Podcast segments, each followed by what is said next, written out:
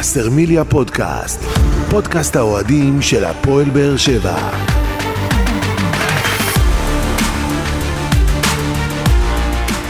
שלום לכם וברוכים הבאים לבשרמיליה פודקאסט, פרק 28 בסדרת פודקאסטים שמלווה את הפועל באר שבע לאורך העונה ותנסה להתמקד בנושאים שאתם, אוהדי הקבוצה, תעלו בפנינו בפלטפורמות השונות. אנחנו מתחילים אחרי חגיגת ניצחון כפול של הפועל באר שבע על לוגנו, אבל לפני שנתחיל את הפרק הזה נאמר שלום וערב טוב לאנשים שיהיו איתנו גם כאן בפאנל. גדעון אסולין, אהלן. אהלן, ערב טוב. עוזי ניסים ונפלאות, ישראל היום, שלום שלום. אהלן, ערב טוב, שבוע טוב ומבורך. Welcome back, מה שנקרא, אחרי שהוא ברח עוזי- לנו עוזי מספר בהתרגשות פרקים. לקראת אני אה, נותן לך קריובה. להתרגל שאני לא פה, נותן לך להתגעגע, ובא להוריד את הרמה, מה שנקרא. בא להרים לך את הרמה. אז שלום לכם, ואנחנו ככה מחויכים וצוחקים, כי בשורה התחתונה הפועל באר שבע מבחינת התוצאות אה, עושה את זה עד עכשיו, היא מבחינת עוברת לש- עוברת לשלב הבא. 100% לפלייאוף. הצלחה במשחקים רשמיים. 100% הצלחה במשחקים. רשמיים של הפועל באר שבע. חמש אה, במספר. יש מה לדבר על היכולת, אז בואו, אה, לפני שנעשה את זה, נסכם כמו שצריך עם טיזר. סיכום משחק, אז ביום אה, חמישי האחרון הפועל באר שבע פגשה את לוגאנו למשחק הגומלין באיצטדיון אה, בנתניה. באיצטדיון הפקקים בינתיים. כן, וואי, וואי, באיצטדיון שהפך לסיוט. סיוט. ניצחון 3-1 של הפועל באר שבע, 5-1 בסיכום אה, צמד המשחקים מול לוגאנו, ואפשר להגיד שמבחינת התוצאות, זה מטורף. מדהים לגמרי מטורף. מה שהפועל באר שבע עשתה. לפני שנסכם את זה, אתם רוצים להתייחס באמת למעבר הזה של, אה, של ללכת לשחק בנתניה במקום לשחק כאן באצטדיון טרנר עם כל החשש הזה של המועדון השוויצרי, שלא ברור אם זה חשש או יותר ניסיון לפגוע קצת בביתיות של הם הפועל באר שבע. ניצלו את הקשרים שיש להם בשוויץ, עם וופא שיושבת בשוויץ, הפעילו לחץ, הצליחו בחלקו, כי המטרה הראשונית הייתה- הייתה בכלל להעביר את המשחק מחוץ למדינה, למדינה אחרת, לא רוצים בכלל להגיע לישראל. וכראיה לכך, הם בכלל הגיעו עם שלושה שחקנים בכירים מאוד שחסרים להם, שזה היה סלאר, בוטני וציגלר, שבשוויץ הם היו מאוד דומיננטיים, השלושה לא האלה. הגיעו מבחינת לא הפחד מבחינת או פחד, בגלל ברור. שזה לא, ישראל? לא, לא, בג- פחד ישראל זה היה נוח מבחינתם באותו רגע, באותו זמן נתון. אם לא היה המבצע שומ- אה, עלות השחר שבוע קודם, המשחק היה בטרנר, ואני מניח שהם היו מגיעים. אבל אה, מה מה שאני שאלתי ואני ביררתי, הם פחדו להגיע לארץ. טוב. אנחנו לא כועסים. אז לא, לא, הכל בסדר, אתם לא רוצים להגיע, גם עוד שלושה ארבעה שחקנים לא היה אכפת לנו אם לא היו מגיעים. שמת לב, הם היה להם מלוגנו. שבעה מחליפים סך הכל. כן, אז... אה, שבעה מחליפים ושבעה אוהדים. בדיוק. אז הפועל באר שבע ניצלה את זה בשורה התחתונה מבחינת התוצאה עם אה, ניצחון 3-1, אבל בואו נתייחס לאיך שהפועל באר שבע פתחה את המשחק הזה, כי אתה זוכר, גדעון, דיברנו בשבוע שעבר שראינו את ההרכב של, של אליניב ברדה למשחק בחוץ מול לוגנו, אמרנו, לא, לא נראה פה שום דבר יצירתי, כי אין בהרכב הזה. נכון. והגענו למשחק הזה עם אותו הרכב, פחות אה, חמד ופלוס אה, סלמני. סלמני, כן. ובסוף ראינו, אין יותר מדי יצירתיות במשחק של הפועל באר שבע במחצית הראשונה בכלל, גם בפן ההגנתי, הפועל באר שבע משחק מבולגן לגמרי, ונתנו מחמאות על המשחק ההגנתי בחוץ בלוגנו, אבל כאן מהדקה הראשונה עד לפחות המחצית, אליניב ברדה ניסה לאזן את החלק ההגנתי, אבל ראינו לא מעט טעויות, לא מעט, גם, גם באמצע עיבודי כדור, וזה לא מה שמאפיין את החלק ההגנתי של הפועל באר שבע, וראינו את הבלגן. נכון. אה, תראה, אני, אם אני מנסה לחשוב ככה מה עבר על, על, על יניב ברדה בראש, אז קודם כל, אתה יודע, המוטו, המנצח, הרכב מנצח לא מחליפים, כמו שאמרת, שינוי מינורי, קצת להכניס את סלמני, אולי חשב בהתחלה אולי להכניס את חמד, ובהתאם לאיך שהתפתח המשחק, אה, כתוספת כוח מהספסל. אה, במשחק הקודם, כמה שאתה אומר שה...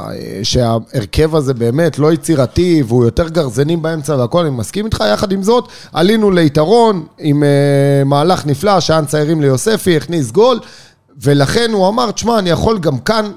עם ראייה יותר הגנתית, לא, זהו, לא, הוא, עשה, לא הוא עשה את. מה שאני הצעתי בפרק הקודם, לבוא ולחכות להם, לתת ל- ללוגנו לעשות את ה... כן, למרות שזה היה מסוכן, כי עוד פעם, אנחנו ידענו שגם לוגנו בסופו של דבר, תבוא. תבוא ואין לה מה להפסיד. עכשיו, כשאין לה מה להפסיד והיא יוצאת קדימה, והפועל באר שבע עם איזה הרכב שהוא באוריינטציה הגנתית, אז אוטומטית אה, יחסי הכוחות הולכים, שכל, שרוב המשחק מתנהל בחצי מגרש של הפועל באר שבע. עכשיו, כשזה, כשהדינמיקת המשחק התפתחה בצורה כזאת, באמת ראית גם את האיכויות של לוגאנו. ראית את, ה, את היכולת הטכנית שלהם בחלק הקדמי, את המהירות, את הלחץ שהם יודעים להפעיל, וזה היה את הבלגן אצלנו. וזה היה מסוכן, נכון, היה, היה שם בלאגן, אה, גם אל יניב ברדה בעצמו, וזה אחד הדברים שאני אוהב אצלו, הוא לא קופא על השמרים, הוא עלה עם הרכב, עלה עם מערך. הוא עלה בקו חמש. הוא משנה, ובסביבות תקשיב, הדקה ה-30-35 הוא הבין שהקו חמש הזה לא הולך טוב, הוא עבר ב- לקו אז אני ארבע. יכול להגיד לך שהוא עלה ב-4-3-3, אחרי שתי דקות או דקה וחצי הוא כבר ירד לשלושה בלמים, כי, כי חתם התחיל כקשר אחורי. הוא הוריד את חתם, הכניס את יוספי לאמצע שהתחיל ככנף ימין, אחרי זה דקה 35 הוא לקח את חתם, שם אותו כקשר מתחת לחלוצים בכלל. במחצית השנייה. במחצית השנייה חתם משחק. כמגן ימני ומסיים- כבלם. אז ו- מה- שטוב- וכל זה הוא קיבל בהבנה ו- ו- ו- ובאהבה גדולה. מה שטוב אצל. יניב ברדה זה שלמרות ההרכב שהוא פתח איתו, שאתה יודע, המחצית ראשונה לא נתן את התפוקה והפועל באר שבע באמת משחק מבולגן, במחצית השנייה הצליח לאזן עם החילופים שלו. חילופים בדקה 45, שאתה יודע, הרבה פעמים אנחנו רואים מאמנים שעושים חילופים בדקה 55, 60. אבל היה גם חילוף לפני, חילוף מאולץ. כן, כן, עזוב, החילוף. חילוף מאולץ זה מאולץ. החילוף זה- של מרטינש. פציעה של מרטינש. אבל אני מדבר על זה ש... ו- וזה אמרנו מהמשחק הראשון נגד מכבי פתח תקווה. כן, אבל אני אגיד לך, המדינה. החילוף בדקה 45 היה מתבקש. זה היה מ- הצעד הימני, קודם כל, רגע. רגע, רגע, לפני- שנתקדם, רגע, לפני שנתקדם למחצית השנייה, מחצית אוקיי. ראשונה, אני רוצה לפרגן לעמרי גלאזר, השאיר אותנו במשחק השאיר חד אותנו במשחק משמעית. חד משמעית. גם הצלת, עדיפת הפנדל שלו, אומן הפנדלים. וגם הגיע, הגיעו שם לוגנו לפחות לשני מצבים ש- שעמרי אני חושב שהוא גלאזר נמצא נעל, בכושר נעל את השער. במגמת עלייה, אם חשבנו שהפגרה קצת, אתה יודע, תוריד אותו, מגמת עלייה מוחלטת. אני חושב שהוא באמת ככה אה, קיבע את עצמו בתור השוער המוביל בליגת העל, עד כדי כך. לגמרי, אני, אני ובמחצית- חושב שהביטחון במחצית- שלו בשמיים, כמו שעוזי אומר פה, והוא אומן פנדלים, אמה יעמיק, אבל באמת, כמו שיש אומן אני חושים... אמרתי בכלל, ו- העליתי ציוץ בטוויטר, צריך להוסיף לעמרי גלאזר חסות, עמרי לוקח פנדל גלאזר. אתה יודע, אני דיברתי עם חבר השבוע, אוהד בית"ר, ואני אומר לו, תשמע, אני אגיד לך את האמת, שאנחנו שורקים פנדל נגדנו. אנחנו ומגיע- רגועים. אני רגוע, תשמע, אני אומר, יש כאן איזו הסתברות שייכנס גול, אבל אני רגוע ברמה של לפחות 50 אחוז. 50, ולא 50, כמו, כן. לא כמו ב, במצב אני רגיל. כתבתי לכם בפנדל הראשון, גלאזר לוקח. לא כמו, לא כמו. במצב רגיל ש, שיש נגדך פנדל ואתה אומר יאללה זה 90 אחוז גול. כן. אה, ובאמת הוא לקח את זה ב, ב, בזכות ו, והוא עושה את זה בצורה מדהימה, אבל מעבר לזה, כמו והשניים שאתה אומר, השניים שהובילו לפנדל, יוספי אנדדיה, הם שני החילופים הר- הראשונים, נכון, לדעתי הם היו לא חלשים. הראשונים אחרי הם מרטיץ', היו- הם החילופים ה- אז- אז של אני- אה, ברדה הם היו במחצית חלשים, השנייה. ואני חושב שצריך לתת צ'אנס אמיתי ליוני סטויאנוב כמגן ימני. אני לדעתי הוא הולך להיות הפתעת העונה, אבל הוא צריך לקבל את הצ'אנס הוא מעניינים. יקבל. לדעתי, כי דדיה במצבים מסוימים, כמו שראינו נגד לוגנו, ואתה יודע, לא במשחק היריבות- טוב, לא במשחק טוב, וראינו גם את השינוי ברמה בין המחצית הראשונה לשנייה. היריבות יעלו מרמה לרמה, הוא לא שם כרגע. נכון. הוא לא נכון. שם כרגע. אין מה, אין מה לטייח פה. וליוני יש את הניסיון בנבחרת בולגריה הצעירה, שהוא שחקן נבחרת בולגריה למי שלא יודע, אז מה הוא שמה- משחק שם, עוזי? אה, קשר ימני, גם על אותו... יכול, על אותו יכול, משבצת. יכול לשחק נכון. מגן התקפי, בקיצור. נכון, נכון, נכון. אה, תשמע, מהמעט שראינו אותו, ראיתי אותו במחנה אימונים, אתה יודע, ככה גם בדקות שראינו אותו אבל בטרנר. בדיוק, נכון. גם בדקות שראינו אותו, אני ראיתי באמת שחקן. שיודע לאיים, ומהיר, וטכני, ובהחלט יכול, ו- ואם לא, יש לך גם את האופציה של חתם, ויש לך את האופציה של אבו עביד, נכון, שעוד מעט יחזור. ויש לך את האופציה מה של זה חזור? הוא קלטין. בסגל, מה, הוא היה. בשני המשחקים האחרונים בסגל. אני אומר, כאילו, יש את האופציות האלה, יש את האלטרנטיבות, ואני אגיד לך מה גם, בשביל אבל- דדיה, אבל- בשביל דדיה, אני חושב שתחרות תעשה טוב, כי ראינו את אבל זה גם ראינו. כמה משמעותי להפועל באר שבע, שיש מגן שהולך קדימה ותוקף, וחתם עשה את זה לא נכון. מעט במחצית השנייה, וראינו את איזה האיכויות. בישול זה גם- ענק, איזה זה גם מהלך הוביל- ענק. כן, הוביל לשער של רותם זה. חתואל.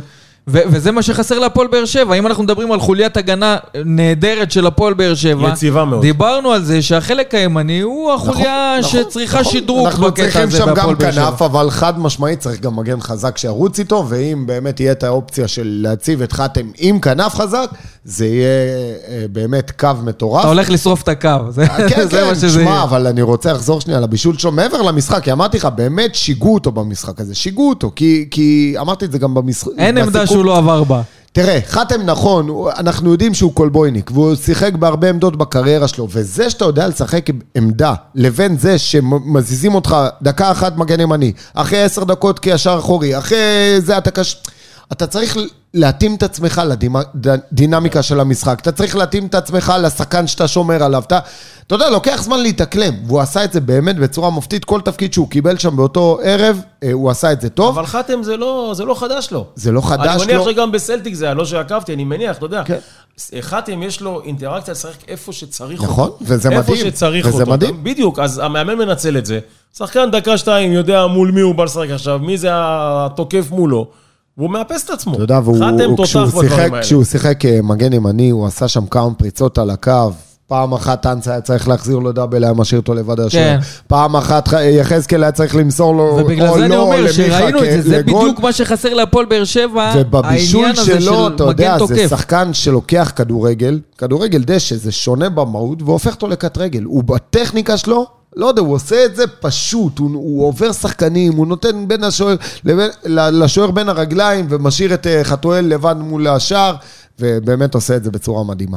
אז דיברנו על השינוי אה, בעמדה הזאת אה, במחצית השנייה מבחינת המגן ימני, שחתם החליף את דדיה בעמדה הזו, אבל חילופים נוספים של אליניב ברדה, זה הכניסה של רמזי ספורי ורותם חתואל, ורמזי ספורי, כל הזמן דיברנו על זה שחסר. להפועל באר שבע משהו יצירתי במשחק, והיחיד שעושה את זה בהפועל באר שבע, גם בעונה שעברה, וגם עכשיו, שאנחנו רואים כמה זה חסר במעט, כבר אחרי חמש דקות הוא מבשל את השער למיגל ויטור, את השער הראשון, וגם מעורב בבישול של השער העצמי, שגם איכשהו גם אה, מיגל ויטור אה, היה מעורב. בכלל, באופן כללי, היצירתיות, היחיד שעושה את זה בהפועל באר שבע זה רמזי ספורי.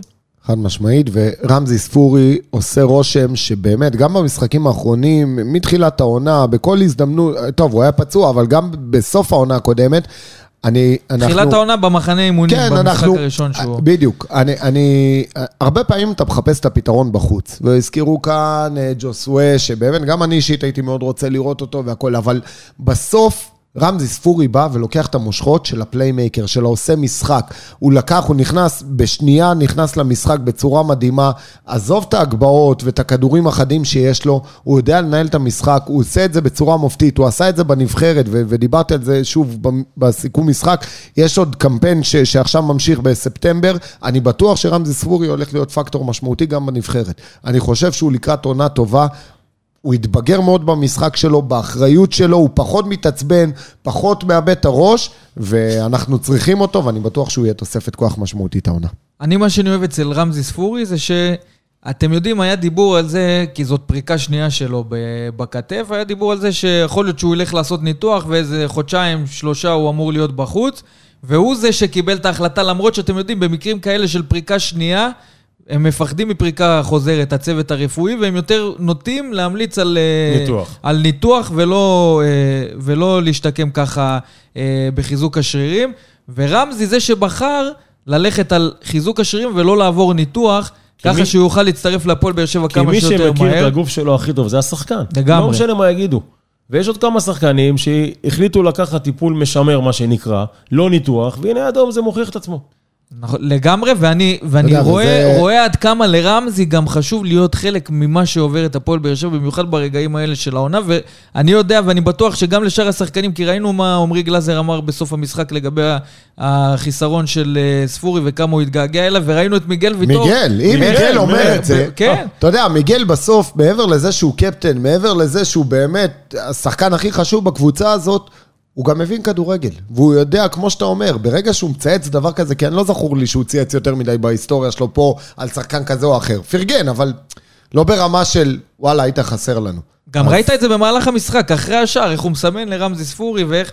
יש, יש, יש חשיבות רבה לרמזי ספורי בסגל הנוכחי של הפועל. באר שבע, כי כמו משמעית. שאמרתי, ואני חוזר ואומר, היחיד שיכול לעשות משהו יצירתי כרגע בחלק ההתקפי של הפועל באר שבע, וחסרים להפועל באר שבע שחקנים יצירתיים, ואני מאמין, שמענו גם את אליניב ברדה בסוף המשחק אומר שהוא שמע על כך שמחפשים בהפועל באר שבע שחקן נוסף יצירתי לחלק הקדמי, אז הוא אומר לא אחד, שניים, שניים, נכון. שניים, ברור. ואני חושב שזה גם כחלק מהמר- מהעברת מסרים של אליניב ברדה להנהלת הפועל באר שבע, להעביר מה חסר להפועל באר שבע לקראת המשך העונה. אם אני מהמר, ו- וככה ננסה להיכנס לראש שלו, אני לא יודע, עוד פעם, זה אולי קצת מופרך, אבל זה יהיה מג... אה, מן הסתם כנף ימין. ימין, ודווקא עוד איזה חיזוק לאמצע, למרות שזה עמדות מרובות, אני חושב שעדיין אף אחד, אף אחד מהנוכחים לא עושה לא את עושה העבודה. את העבודה ברור. של דור מיכה- דור ה-50-50. מיכה לא פתח את העונה לא, לא, בצורה לא, טובה. אני, אני, ה playmaker שלך המובהק זה יהיה רמזי ספורי. רק רמזי, אם, אם כרגע האלטרנטיבה של דור מיכה או זה. ה-50-50, כמה שיוספי נותן משחק אחד טוב, שלוש לא, מרטין, דיברנו על זה בפרק הקודם, אני לא שיש אני- הרבה מאותו דבר, אני וכולם פחות או יותר באותה אני רמה. לא יודע אם הוא יחפש 50-50. עוד פעם, אלא- אם הוא יחפש קשר התקפי יותר. קשר התקפי, אבל אז, אז, אז מה אתה עושה עם רמזי ספורי? זה השאלה. ביחד. ויש לך. גם את דור מיכה. דור מיכה, אנחנו רואים עונה ו... כן, השאלה מה אתה עושה. לא יודע מה יהיה עם דור מיכה. אז זהו, זהו תשמע, זה השאלה. אתה לא יכול להגיד דור מיכה ייתן לי, שבינתיים אתה לא מקבל כלום כבר עונה שלמה. לא, אני מסכים, אני מסכים שהוא לא שם, אני מסכים שאפשר, אגב, ודיברנו על זה, אה, אל תשכח אני לא יודע, אני לא יודע, אולי לנסות את דור מיכה כ- ככנף, כי אני יודע שבמכבי תל אביב, רוב הדברים הטובים שהגיעו, הגיעו לו מכנף פנימה. ימין. נכון. לא, הגיעו לו מכנף ימין, הוא שיחק בכנף שם, ואני זוכר בישולים שלו, אני זוכר מהלכים שלו, אני זוכר את ההגבהות שלו, חצי גובה האלה, כדורים מתוחכמים, שהוא יודע, כמו שעוזי אומר, ככה לחתוך לשמאל ואז להכניס את הכדור. הוא עושה משם דברים יפים, אני לא יודע, אולי, כמו שאמרתי מקודם, אולי הפתרון נמצא אצלנו בבית ואנחנו מחפשים אה, בחוץ יותר מדי. אני רוצה להתייחס לעוד משהו שעצבן אותי במשחק הזה. למה התעצבנת? מה קרה? התעצבנתי, ואני חושב? שגם אוהדי הפועל הוא היה באר שבע בשארם א-שייח, רכב על. גמל, איזה התעצבן, מה התעצבן. עצבן. לא, כן, לא, הייתי, ראיתי את המשחק אה, ראית, אה, אוקיי. מרחוק, אבל התעצבנתי ממה שראיתי, ולפי מה שראיתי גם במשחק, גם הקהל שהיה ביציע התעצבן. מזה ששגיב יחזקאל מגיע מול השוער, מנסה לעשות שם משהו שטותי, שזה ברמת ה... אין מושג מה אתה מתכוון אנשים לעשות קראו שם. לזה זלזול ברמה. וזלזול ברמה הזאת, במשחק ב... במסגרת אירופאית של הפועל באר שבע. לבוא, ואתה יודע מה, אתה לא בעונה גדולה, לא עשית פה איזה משהו מיוחד, הביטחון שלך לא אמור להיות כזה בשמיים, ואתם יודעים מה, לפעמים אנחנו מדברים על זה שיש חוסר ביטחון, גם אקסטרה ביטחון, זה לא דבר טוב לשחקני כדורגל, ועצבן אותי ממש. אם- אתה התעצבנת, אז אתה לא יודע מה זה. העצבים של אה, חאתם אל-חמיד אחרי המהלך הזה. בדיוק. הוא פשוט רצה להרוג את עצמו. הוא רצה למות. אני אומר לך, הוא הסתכל, הוא לא האמין שזה מה ש... ואני ש- גם ש- אומר- למה אבל? אני... אני גם אומר שהם מגיעים למה לעשות דבר למצבים... כזה? למה, למה. לא לחשוב בהיגיון? מגיעים, מגיעים למצבים, ולא יגיעו להרבה מצבים באירופה. משחקים יהיו קשים מפעם לפעם, משחק למשחק. לא להתחכם. אפילו צריך לפרגן לחבר שנמצא לידך, והיה חסר אני- הרבה פרגון במשחק הזה. מגיעים שם שלושה חלוצים, אף אחד לא מפרגן לשני. וזה חסר, זה עניינים צריך לתת לזה את הדעת, ולהראות להם את, ה, את הוידאו. צריכים לפרגן. אז שהחבר שלך יכבוש ולא אתה, העיקר שהקבוצה תנצח. כי אתה תגיע למצב שתיים, תיתן אותם, אבל אתה יודע, לפעמים המצב שתיים האלה יחסרו לך מחוסר פרגון. אתה נכון. יודע, הזכרנו מקודם את דור מיכה ואת ההזדמנויות שהוא מקבל, אז אני חושב שיחזקאל זה שחקן שקיבל כבר את כל ההזדמנויות האפשריות, פעם פתח, נכנס הרבה פעמים כמחליף, רץ בעונה הקודמת עם רוני לוי. בסוף, בסוף, משהו לא הולך, לא מתחבר, ואני, אגב, אני חושב שהוא שחקן מאוד כישרוני. אני גם הבנתי שבאימונים הוא בין השחקנים הכי חמים שיש, עושה מהלכים מטורפים והכול. משהו לא פוגע. אני חושב שיחזקאל, אה, שני הצדדים יעשו טוב אם הם פרדו, כי אני חושב שהוא שחקן לגיטימי לליג- לליגת העל. אם הוא יגיע למועדון כמו הפועל תל אביב, כמו קבו- מועדון כזה הוא יכול להוביל ויכול להצליח. קריית שמונה, לא יודע, זה... אצלנו הוא פשוט... אתה יודע, וגם אנחנו מדברים על עוד שחקן כנף שהולך להצטרף, ויש לך את חמד, ויש לך את צלמני, ושכטר יחזור מזה, אנסה, חתואל, גם הוא בסוף יפגע בעצמו, כי הוא כן, לא יקבל את ההזדמנויות גדעון, אחרי, צריך- אחרי כל כך אנחנו- הרבה... תראה, אנחנו פסע לפני שלב בתים, touch wood וכל ה... נכון, זה. נכון, צריך- אתה- אני מסכים צריך לך לך- להזכיר צריך גם, צריך להזכיר. שהמונדיאל שמתקיים בקטר בנובמבר, הופך את, ה, את כל לוחות הזמנים, הופך אותם, מתקצרים מטורף, לגמרי בדיוק, מבחינת בדיוק. המועדונים, כי העומס פעם, יהיה אני- עומס אני- גדול אני- עד נובמבר. שלא אני יכול להגיד תבין. לכם שאין את הפגרה שהייתה בין שלב הפלייאוף לבתים, זה יהיה כן. רצף. שלא תבין, אני נכון, מאחל. אני מאחל לו ולנו שהוא יעלה על דרך המלך ובאמת יממש את הפוטנציאל שלו ויביא שערים, יביא בישולים ו- ויבוא עם מספרים מה שנקרא. אה, כרגע אני ואנחנו מסכם מדברים על את סגל התקופה גדול שלו. של הפועל באר שבע, וזה שליניב ברדה רוצה עוד שני שחקנים לפחות, צריך להזכיר, במשחק הזה, קלטינס, חמד, אבו עביד, מדמון וסטויאנוב לא שותפו, שכטר וסולומון לא בסגל, גורדנה עדיין פצוע. אתה מדבר, הז- הזכרת את סלומון, משחק חמישי שהוא לא בסגל. אני לא יודע אם מישהו מכם ספר, אני עקבתי אחרי זה. מתחילת העונה, טוב, זה הוא לא שחקן שאני בסגל. חושב ש... והוא, זה השחקן היחיד שיש לך רגל שמאל טבעית. מגן ימני שמאלי טבעי, לא בסגל חמישה משחקים. מגן שמאלי. אני אגיד לך את האמת שאני חושב... ש- אני לא יודע מה... אני- משהו אני- פה, זה- ואני... שנייה, אבל אני יכול גם להגיד לכם, אני ראיתי אותו אחרי המשחק, אתה יודע, יוצא, נכנס לאוטו ונוסע, אפילו לא נשאר לחגוג עם החברים שלו. משהו עובר על השחקן, משהו עובר... ברור, ברור ש... תראה, אני חושב ש... שחקן שלא משחק או בדיוק. לא נמצא בסגל, אתה לא תראה אותו עם ורדים ושושנים ושמח. אני מסכים איתך, משחק. אבל חמישה משחקים, לא בסגל. אתה יודע מה, תהיה בסגל, אבל אל תעלה, זה, זה בסדר. אתה לא נכנס לסגל חמישה משחקים. זו- זאת השאלה, אם הוא יישאר בסוף בהפועל באר שבע, ואנחנו רואים גם את הרצון אני- להתחזק בשחקנים נוספים, אני- ויש גם את שחקנים כמו גורדן הפצועים שעדיין נכון. לא נכנסים ל- אני- לעניינים. אני חושב ש... הפועל באר שכטר שבע לא היה בסוף, בסגל השבוע. כן, גם שכטר לא היה, ובסוף, הפועל באר... וחמד לא שותף. בסדר. וחשוב להגיד שמבחינת הצוות המקצועי, משפים את חמד לגבי ההתנהלות שלו לא והתגובה שותף, זה שלו. בסדר. מעולה, כי אני חושב בסדר. שברדה מראש מכוון אותם. חבר'ה, יהיה פה רוטציה העונה. יהיה יהיה פה רוטציה זהו, העונה. וזה האתגר של יניב ברדה, לדעת לנהל ש- סגל ש- כזה עמוק וגדול. אמר ב- לפני מסיבת עונים או שתיים, הוא אמר, יש מלחמה גדולה על, ה- על הכניסה לסגל. טוב מאוד. על הכניסה. טוב מאוד. מספיק שמישהו באימון מפקשש והחבר שלו עובר אותו, נגמר הסיפור. טוב מאוד, טוב מאוד. וגם. יניב אמר, אם אתם זוכרים, כבר לפני כמה משחקים, כשדיברו איתו על אה, בניית הסגל לקראת העונה הבאה, הוא אמר, המטרה שלו מבחינת מאמן הפועל באר שבע, שניים, שלושה שחקנים נלחמים על אותה עמדה, ואני חושב שזה מה שבסוף. הוא מייצר. נכון. ואם אתם זוכרים, כששאלו את אה, איתי שכטר באחד הראיונות, מה כל כך היה מיוחד אצל איביץ', הוא אומר, קודם כל שהיינו סגל גדול. דבר שני, לאף אחד אין טאבו בהרכב. אף אחד, לא בהרכב, בסגל. הוא אומר, אנחנו מבחינתנו, אני כל אימון מגיע ומרגיש שבוחנים אותי, מה אני כאילו עושה עליתי בכל מהנוער. צעד, וכן, כאילו עליתי מהנוער, ואני צריך לתת הכל בכל אימון. אין שנייה שאני יכול להוריד את הרגל מהגז, כי אם אני מוריד, אני באותו שבוע לא מתלבש. ו- ו- וברדה מכוון לשם, ואני אומר לך, ככה צריכה להתנהל קבוצה מקצוענית, והחבר'ה, עם כל הכבוד, אין כאן איזה, זה מקום עבודה, זה, זה, אתה כדורגלן, בחרת במקצוע הזה, יש רגעים שאתה על הגל, יש רגעים שאתה בחוץ. אם אתה בחוץ, תבין את הטעויות ותסיק מסקנות. לגבי סלומון, אישית, אני חושב שהוא הבין מראש שהוא מגיע לכאן העונה, שהוא נשאר כאן עוד עונה, אה, כשלופז הוא המגן השמאלי הר- כן. הראשון, מסכים, המובהק. נכון, נכון. אה, יהיו משחקים של גביע טוטו, יהיו משחקים של עומס וכאלה, שאני בטוח שעוד הוא יקבל. צריך סבלנות. אנחנו נקווה שאליניב ברדה יעמוד באתגר הזה, כי זה מבחן עבורו לנהל סגל כזה, זה כזה המבחן, גדול. זה המבחן. ואתם יודעים, כשיש ניצחונות, אז לא שומעים יותר מדי רעש נכון. ובלאגן וצלצולים. נכון. כשזה פחות הולך ויש סגל גדול, אז גם אנשים ואיפה- שלא הרימו ראש עד ואז עכשיו... מתחילים המדליפים, כן, והחולדות, לגמרי. והעכברים. צריך לדעת לנהל את זה נכון, אני סומך על אליניב ברדה שידע לעשות את זה, כי מבחינת הניהול כרגע הבין-אישי שלו, הוא. יודע לעשות כ- את זה, ואני מקווה שהוא ימשיך כרגע לעשות ברמה את זה. הבין-אישית הוא מאוד מחבק את השחקנים, מאוד מגיע לשחקנים, מדבר איתם, גם דיברת מקודם על סטויאנו ואילי מדמון, אני יודע שהוא מדבר עם השניים האלה המון, ותופס ומחזיק ומכוון אותם. אה, וגם אגב, גם יוספי ודדיה, וגם השחקנים היותר מוכרים, בסדר? כמו חמד, הוא שומר על כולם מאוד מאוד קרובים אליו, וזה חשוב. והלכה למעשה גם בניהול ובהזדמנות שהוא נותן לכולם, זה זה שהוא מוציא לך שני שחקני בית, שאנחנו מעבירים את זה באהלן אהלן, זה לא כזה פשוט, וזה פתחת... לא, אבל אם הם לא, אם הם לא כן, מספקים אבל את הסחורה, חבר'ה, והם לא סיפקו את הסחורה, חבר'ה. צריך לא להגיד את האמת. מה... נכון, נכון, ולא כל מאמן, ואנחנו מכירים את זה גם מהמאמנים היותר גדולים שהיו פה, לא כל מאמן בדקה 45 עושה חילוף כפול. ומוציא שני שחקני בית. לא כל מאמן, ואני מוריד את הכובע בפני אני אליניב חושב שאם הוא לא היה מוציא אותה, זה היה יותר גרוע. זה היה- הרבה כאלה, יותר, הרבה מאמנים, רוב המאמנים, לא רק בארץ, רוב המאמנים אומרים, טוב, ניתן להם להתחיל את המחצי השנייה, ודקה 55-60 נעשה חילוף. טוב, בואו נתקדם הלאה. מתכוננים למשחק הבא.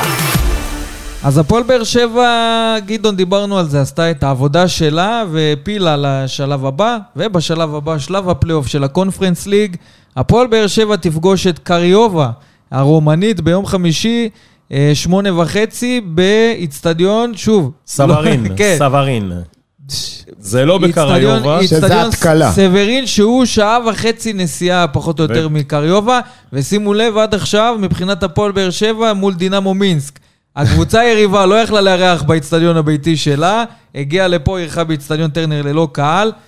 המשחק שלנו, המשחק הביתי שלנו, הוא עבר לנתניה בעקבות אה, מבצע עלות השחר, ועכשיו כשאנחנו חשבנו שיש איזשהו עניין של נורמליות, גם זה לא קרה, כי מול... אה, כי קריובה שיחקה נגד אה, זוריה, האוקראינית שאמורה לארח בפולין, וזוריה הובילה 1-0 במשחק הראשון על קריובה, ועכשיו קריובה במשחק השני עשתה מהפך וניצחה 3-1 בצ... בסיכום אה, שני שיעור המשחקים. בגיאוגרפיה עשית. וחשבנו שעכשיו מבחן, לא ברומניה, שיעור.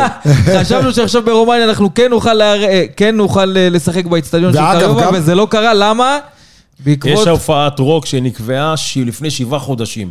שם זה לא כמו בארץ. סוגרים, טאבו על התאריך, לא יעזור כלום. השאלה היא אז מבחינת עוזי, אתה הולך וופא... בעצם להופעת רוק, לא למשחק של באר אני לא שבע. הולך להופעת רוק. אני אשמע את ההכנות יום קודם. אבל, אני אה, גם אגב, גם לוגאנו אירחה באיצטדיון שלה, שזה פעם ראשונה, כאילו גם שם היה איזה סיפור. כן, פעם ראשונה אחרי 20 ש- שנה. שם היה סיפור, כי הם אירחו, אז, אם אתה זוכר, הם אירחו אותנו בלוצרן בשלב, הבתים. יכול להיות שאתה יודע, בשלב הבתים יש לך אישורים של אויפה לאצטדיון כן. כזה או אחר. לא ניכנס לזה, אבל אנחנו לא בסדר. אבל אה, בינתיים זה בסימן טוב כל השינויים האלה. לא, עכשיו, אנחנו- עכשיו אני דווקא בעד, כי הבנתי שהאיצטדיון אה, סברין הוא יותר קטן מהאיצטדיון דרך בקריובה, אגב, ראיתי ופחות תמונות אוהדים שלו, יגיעו. אחד לאחד וסרמיל. כן. עם המגרש- סברי? עם המסלול ריצה מ- ותשמע, באמצע. והאיצטדיון בקריובה הוא מדהים. הוא מדהים, הוא אני מזכיר אומר- את סמי עופר אני כזה. אומר שלפי דעתי באר שבע רק מרוויחה פה. איצטדיון בקריוב- בקריובה היה צריך להגיע, אני שוחחתי, אני אעשה קצת איזו הקדמה קטנה, שוחחתי עם שני עיתונאים רומנים במהלך סוף השבוע לקבל קצת חוות דעת ודברים. מאוד מאוד יש שם כעס מצד גם ההנהלה, גם השחקנים וגם האוהדים שהמשחק צריך לזוז שעה וחצי מקריובה. זה לא מגרש שהם רגילים, שהם רגילים אליו. הערכה של העיתונאים המקומיים באזור עשרת אלפים צופים, לא יותר, שהיה צריך להיות 25 אלף באצטדיון. הביתי בקריובה. והוא נראה מפחיד. ראיתי שם הוא תמונות, הוא מדהים. באמת מפחיד, האצטדיון הביתי שלהם. מקווה שזה יהיה לטובתנו, ושנעביר את. ההכרעה לטרנר. ושהמשחק הבא יהיה בטרנר. יכול להיות שכמה אוהדים של הפועל באר שבע צריכים ללכת לאיצטדיון בקריובה ולעודד את להקת הרוק על זה שהם העבירו את המשחק. אגב, זה מסנדל הרבה חבר'ה שתכננו ללכת לבוקרשט ואמרו, טוב, נזכיר כן. רכב, כי עכשיו זה מאריך את הדרך עוד ארבע יותר. וחצי שעות כי רוב החבר'ה הולכים. לקריובה עצמה. כן. כן, אבל יש כאלה שיוכלו אה, לנחות בבלגרד ולעשות נסיעה של שלוש וחצי שעות פחות או יותר. אבל אין, אתה רק בשעות מסע. מדבר, אתה רק כן, בשעות. כן, זה מסע, אבל בואו בוא נתייחס רגע לקריובה מבחינה מקצועית. אז אה, כמו שאמרתי, ניצחה בצמד המשחקים את זוריה האוקראינית 3-1. אה, הפכה פיגור של 1-0 אה, במשחק בפולין שנערך כשזוריה אירחה אותם, ועשתה 3-0 במשחק השני. לפחות מבחינת, אה, על הנייר נקרא לזה, קריובה היא קבוצה פחות איכותית מלוגנו. והיא גם קבוצה יותר ביתית מאשר קבוצת חוץ. זה מה שאני... ועכשיו יש להם פגיעה בעניין הביתי. אגב, אה, השחקן, הכוכב שלהם. נקנה על ידי אה, הליגה האיראנית.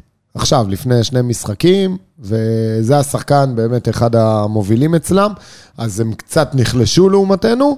אה, בואו נראה, בואו נראה, בואו בוא נגיע, צריך לעשות הכנה, כי אני מרגיש שיש כאן אה, גם מכל מיני כלי תקשורת, שבאר שבע קיבלה קבוצה חלשה יחסית, וש- וששלב הבתים כבר מובטח. שום דבר לא מובטח. בדיוק, צריך לעשות הכנה, ואני סומך על אליניב ברדה ועל הצוות, שהביאו את הקבוצה מדבר- בצורה הכי מוכנה שיש למשחק אם הזה. אתה מדבר על הכנה, אז הסקאוט של הפועל באר שבע היה במשחק ביום חמישי ברומניה, בקריובה. אני מאמין שהוא הביא את הרשמים.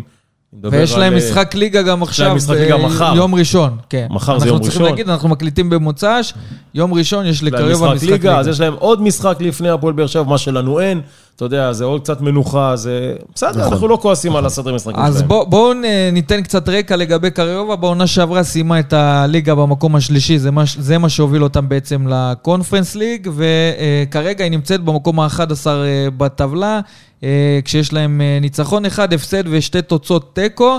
וכאמור, משחק נוסף שייערך אה, ביום ראשון, אנחנו נעדכן עליו אה, בווסרמיליה לאחר מכן, אבל אה, לא פתיחת עונה טובה מבחינתם, ניצחון, הפסד ושתי תיקו, שזה גם משהו שיכול להעיד על הכושר הנוכחי של אה, קריובה. לא יודע אם על הכושר או על האיכויות שלהם. אני באמת שאני לא לא עוקב אחרי הליגה הרומנית, אבל אני לא חושב שזה מהליגות המובילות באירופה, אתה יודע, לסיים שם, או להיות שם במקום 11 ועם פתיחת אה, עונה כזאת, אז אה, נקווה באמת ש, שזו זו הקלה שנקבל ביום חמישי, ולא פתאום יבואו לנו כוכבים. אז בואו בוא נצלול קצת לגבי השחקנים שמסומנים ככוכבים, גדעון בקריובה.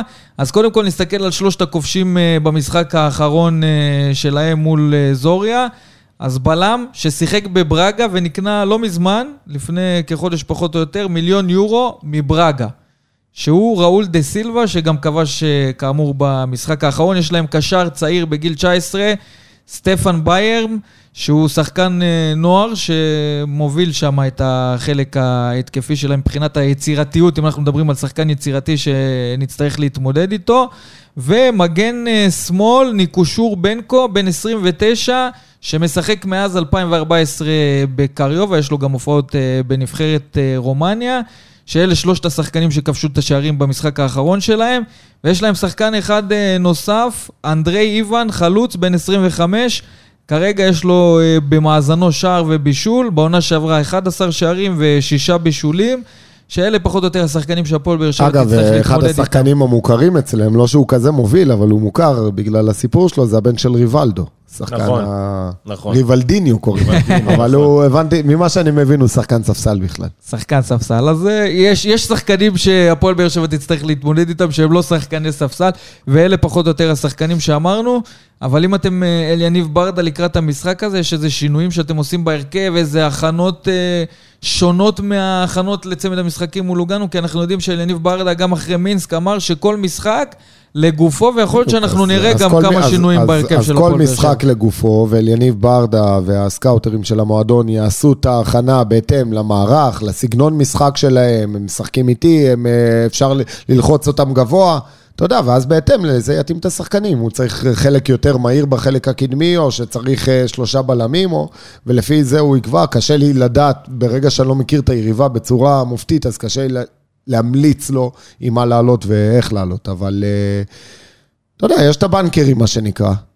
שזה ויטור, ואני חושב שגם טיבי נכנס טוב לעניינים. אה, אם, אם יש צורך בשלושה בלמים, אז... בטוח אז, הוא יעלה בקו חמש, אין לי ספק לא, בזה. עוד פעם, השאלה איזה מערך הם משחקים, לא, אני לא בטוח, כי למשל לא, נגד לא. לוגנו, כמו שאמרתי, הוא התחיל ב-4-3-3 במשחק אבל אני חושב שאליניב קודם כל, אבל, קודם כל לחפש לא לספוג באירופה. כי אם לא, אז אני בטוח שחתם יפתח כמגן ימני, זה כן. גם, בואו נראה.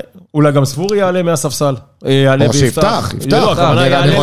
לא, אני חושב שספורי יפתח אה, עם הרוח הגבית שהוא הגיע מהמשחק האחרון. אני גם לא אתפלא אם אה, חמד יחזור במקום סלמני. נכון, נכון. חמד הוא יותר פיבוט, הוא יותר חזק במרכז מגרש, יש שם גם בלם גבוה, מטר שמונים.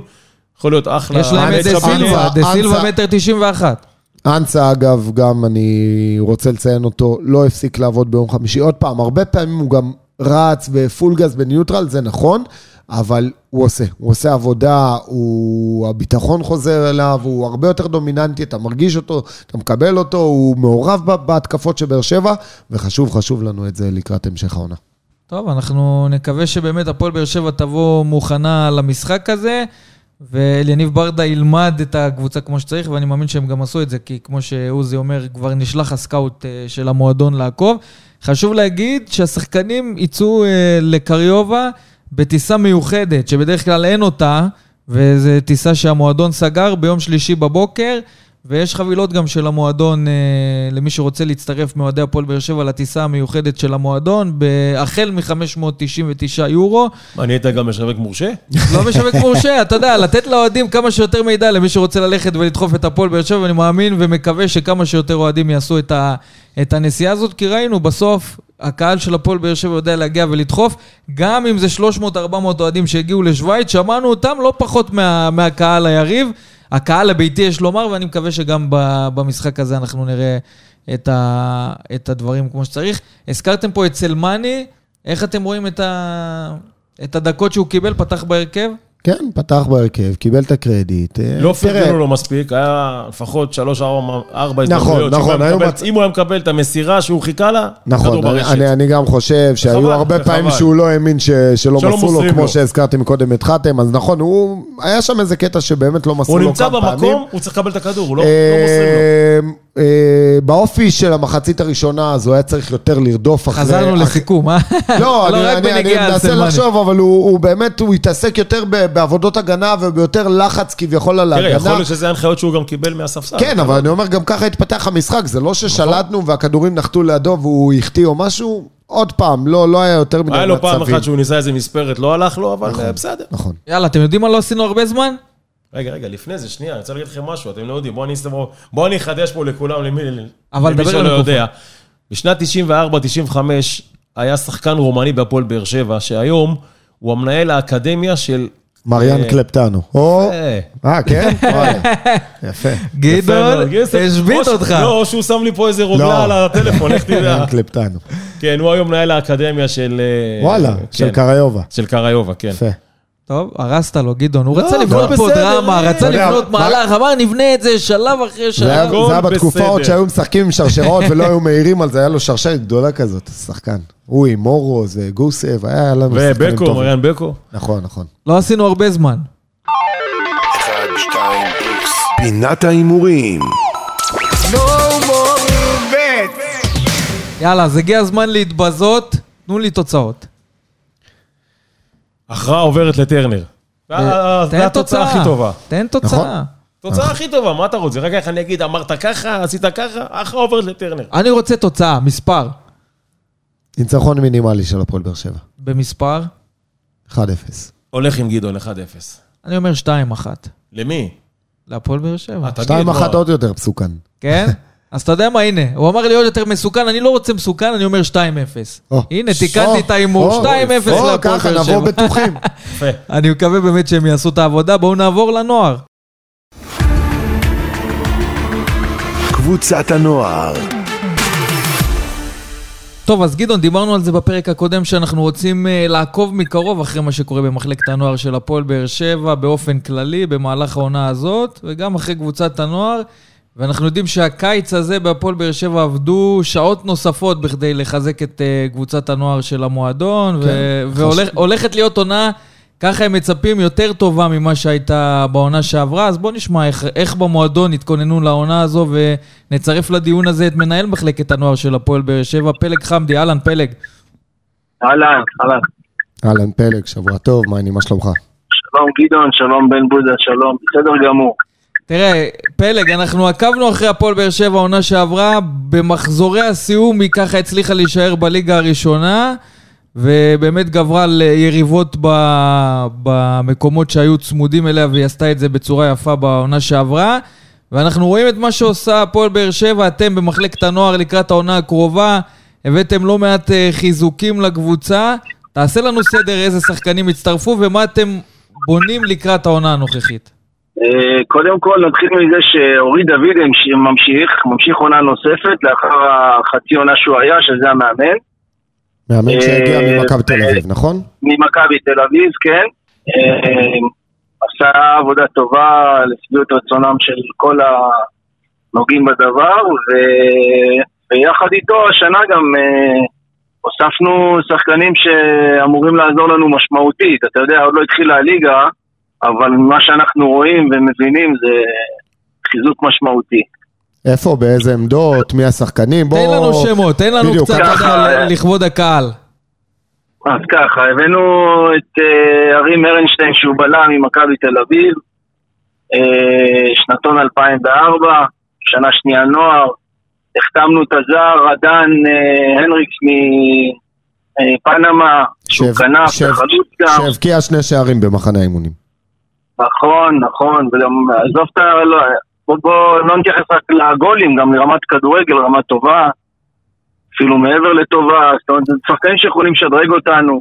אה, ויש לנו את השחקנים שלנו, והוספנו גם אה, אה, את סמרה וליעד נווט, ליעד נווט הוא גם בלם, וסמרה הוא כנף, יש ו- שוער גם שהגיע, נכון? עמית משיח. ושוער עמית משיח, נכון, שחיזוק גם כן מאוד משמעותי עבורנו.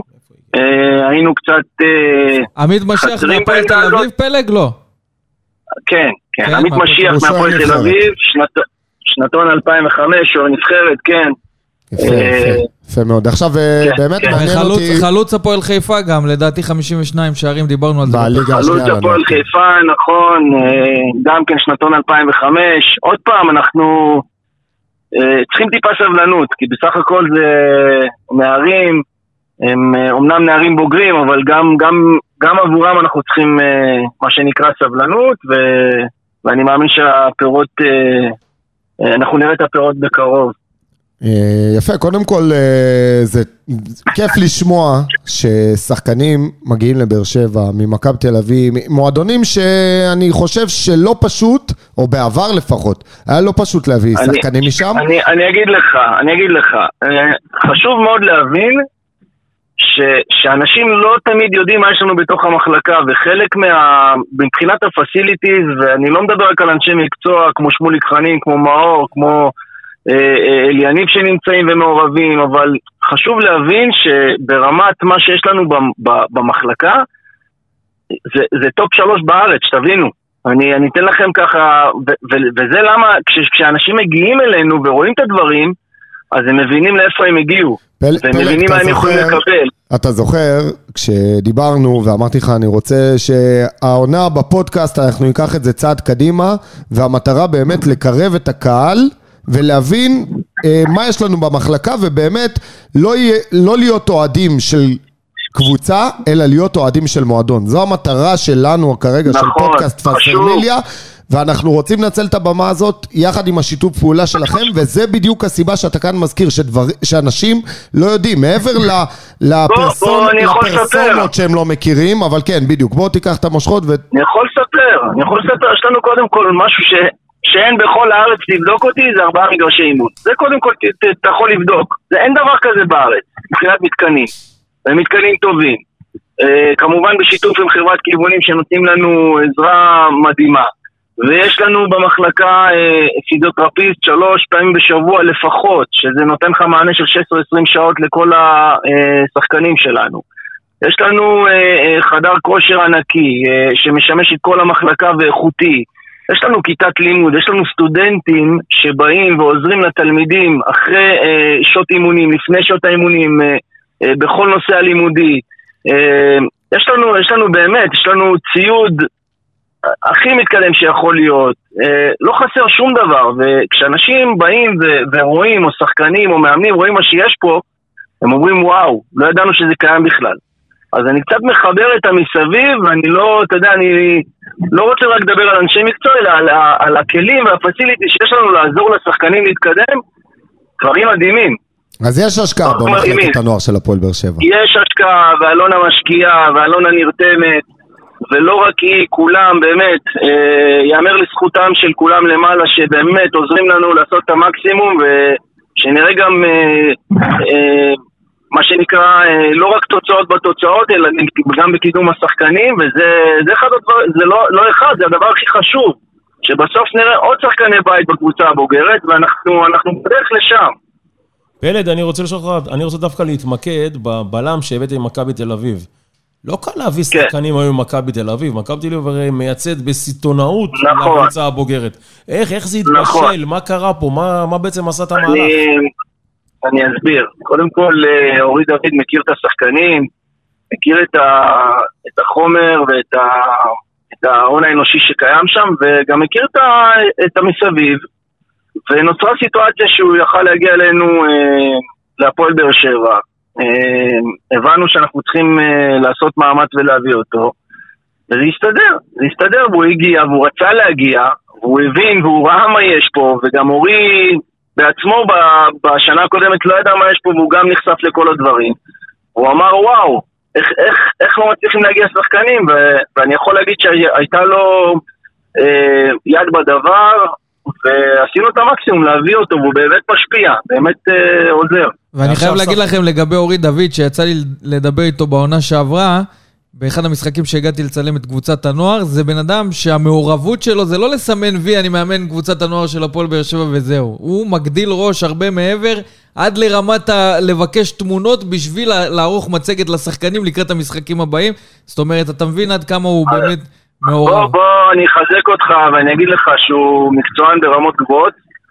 אני מכיר אותו ואימנתי מולו בשנתונים אה, צעירים יותר, ואף פעם לא, לא עבדתי איתו, אבל ככה ברמה החברית אני מאוד מאוד אה, הכרתי אותו מעט, אבל כשהוא הגיע אלינו ראיתי בן אדם מקצוען, מחויב, מתעסק במקצוע ברמת אה, אה, עשייה של 24-7, הוא כל הזמן חושב איך לשפר את, ה, את השחקנים ואיך אה, לעשות את הקבוצה יותר טובה ואיך הוא ייתן עוד כלים והוא כל הזמן מביא, מביא איתו אה, אה, דרישות אה, אה, גבוהות וחדשות ואני יכול רק לחזק את דבריך.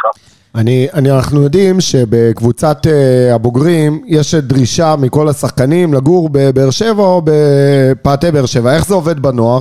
עם, גם עם המאמן, גם כל אז- השחקנים אז כאן? בוא- אז ככה, יש לנו משהו שלא ציינתי קודם, זה גם האקדמיה שלנו באשל הנשיא. אוקיי. האקדמיה באשל הנשיא, אנחנו יכולים אה, אה, להכניס תלמידים עד כיתה י"א. אז נכון שלנוער זה טיפה פחות רלוונטי, אה, והם גם צריכים, אה, אה, מה שנקרא, להשכיר דירות, אז אה, אנחנו עוזרים בנושא הזה, במיוחד בקבוצת הנוער בהשכרת דירות, אה, אנחנו מקבלים גיבוי מלמעלה ועזרה אה, כלכלית. אה, אבל בשנתונים היותר צעירים אנחנו אה, גם אה, מכניסים לאקדמיה, שהאקדמיה הזאת היא מה שנקרא אה, 24-7, אוכל מותאם, לימודים, נסיעות, הכל כלול בפנים ושחקנים שהם בגילאים המתאימים גם מכניסים לאקדמיה. לגבי הנוער, אנחנו, מי שבא ממש מרחוק אז, ומשכיר דירה, אז אנחנו בהחלט גם עושים. פלג, חזרתם משבוע בבולגריה, שבוע מחנה אימונים, אה, איך אתה מסכם? אני אסכם אה, במשפט אחד, היה מחנה מצוין. אה, הייתה עבודה קשה מאוד של כל השחקנים, של כל הצוות, מקצועי, ניהולי, כל מי שהיינו שם. עבדנו מסביב לשעון כדי שבאמת אה, זה יביא את הערך המוסף שלו, כי זו פעם ראשונה שהנוער יוצא למחנה אימון בחו"ל. וזה הסייט שלו לדעתי, ואנחנו, אני, אני סמוך ובטוח שאנחנו בעזרת השם גם אה, נראה את התוצאה של זה. אז אה, פלג, ככה, שאלה לקראת סיום, כי אמרתי לך, אנחנו עוד נדבר הרבה העונה, ואנחנו באמת רוצים לקחת את זה צעד קדימה, אה, ולקרב את המחלקה לקהל, שיכירו ושידעו, ושבסופו של דבר גם יועדו את קבוצות הנוער ויגיעו בהמוניהם למשחקים. אנחנו עושים איתך רעיון, והכל נשמע באמת, אה, לא יודע אם ורוד, אבל נשמע ממש טוב. וזה מזכיר לי רעיון שעשינו בעונה הקודמת, כן. עם מאור מליקסון. ככה התחלנו את הפודקאסט, התחלנו את הפודקאסט, מליקסון. הפרק הראשון שלנו עם מאור פליקס- מליקסון. שאלה אוקיי, שלי, אז- וב- אז- ובסוף העונה הייתה נראית כמו שהיא נראית. אה, השאלה שלי, מה הסקת המסקנות ואיך אנחנו גורמים לזה שהעונה של הנוער לא תיראה ככה? קודם כל, אה, הסקת מסקנות, הבנו שגם צריכים להשקיע יותר בלהביא מבחוץ, אה, ולהיעזר גם אה, אה, משחקנים מבחוץ. וראיתם, אה, אורי דוד עשה עבודה טובה בחצי עונה הקודמת, אז החלטנו שממשיכים הלאה ולא עושים עוד שינוי. ועוד פעם, אנחנו לא יכולים להתחייב, ונכון שהשיחה התחילה ככה שנה שעברה עם מאור, אבל מאור השקיע ועבד המון ב-24-7 ו- והביא איתו המון דברים חדשים ודרישות חדשות, אבל לא תמיד הכל מסתדר לאן שאתה מכוון.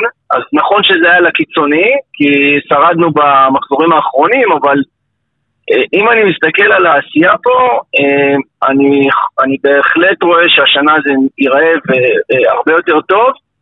עוד פעם, אני לא יכול להתחיל להתחייב אה, אה, מה נראה, אבל אני כן יכול להגיד שאנחנו נראה הרבה יותר טוב ולא, ולא ניקלע למה שנקלענו בעונה הקודמת. אה, אני בהחלט, בהחלט חושב שהשנה אנחנו נראה שינוי. טוב, אנחנו גם אה, נקווה שזה יקרה ושנראה עונה טובה ומוצלחת אה, של קבוצת הנוער של המועדון, ואנחנו כמובן נמשיך לעקוב אחרי מה שקורה שם. אה, פלג חמדי, תודה רבה שהיית איתנו, מנהל מחלקת הנוער של הפועל באר שבע. שיהיה לכם בהצלחה ואנחנו נשתמע בהמשך העונה, תודה. תודה רבה רבה, תודה. ואם אנחנו מאחלים בהצלחה לקבוצת הנוער, אז חשוב להדגיש, ביום שבת, 20 אה, לשמיני, קבוצת הנוער תצא למשחק חוץ מול הפועל ראשון לציון, אנחנו נחזיק להם אצבעות שיפתחו את העונה אה, ברגל ימין. אז לפני שאנחנו חותמים את הפרק הזה, אני רוצה להודות לכם, חברים, גדעון אסולין, תודה רבה שהיית תודה איתנו. רבה, שיהיה אחלה שבוע. עוזי ניסים ונפלאות, ישראל היום. תודה רבה, בקריובה. ויחזור עם ניצחון. שהולך. להיות בטיסת המועדון, חשוב להגיד, הוא הולך. להביא לנו את כל הסקופים החמים והטריים, עוזי, לא כמו לפרוץ לחמניות. לדשא עם אה, אני. אשקול את מה שאמרת. עד כאן הפרק ה-28 של וסרמיליה פודקאסט. אנחנו נשתמע בפרקים הבאים. תעקבו וסרמיליה ותשתפו. פודקאסט, פודקאסט האוהדים של הפועל באר שבע.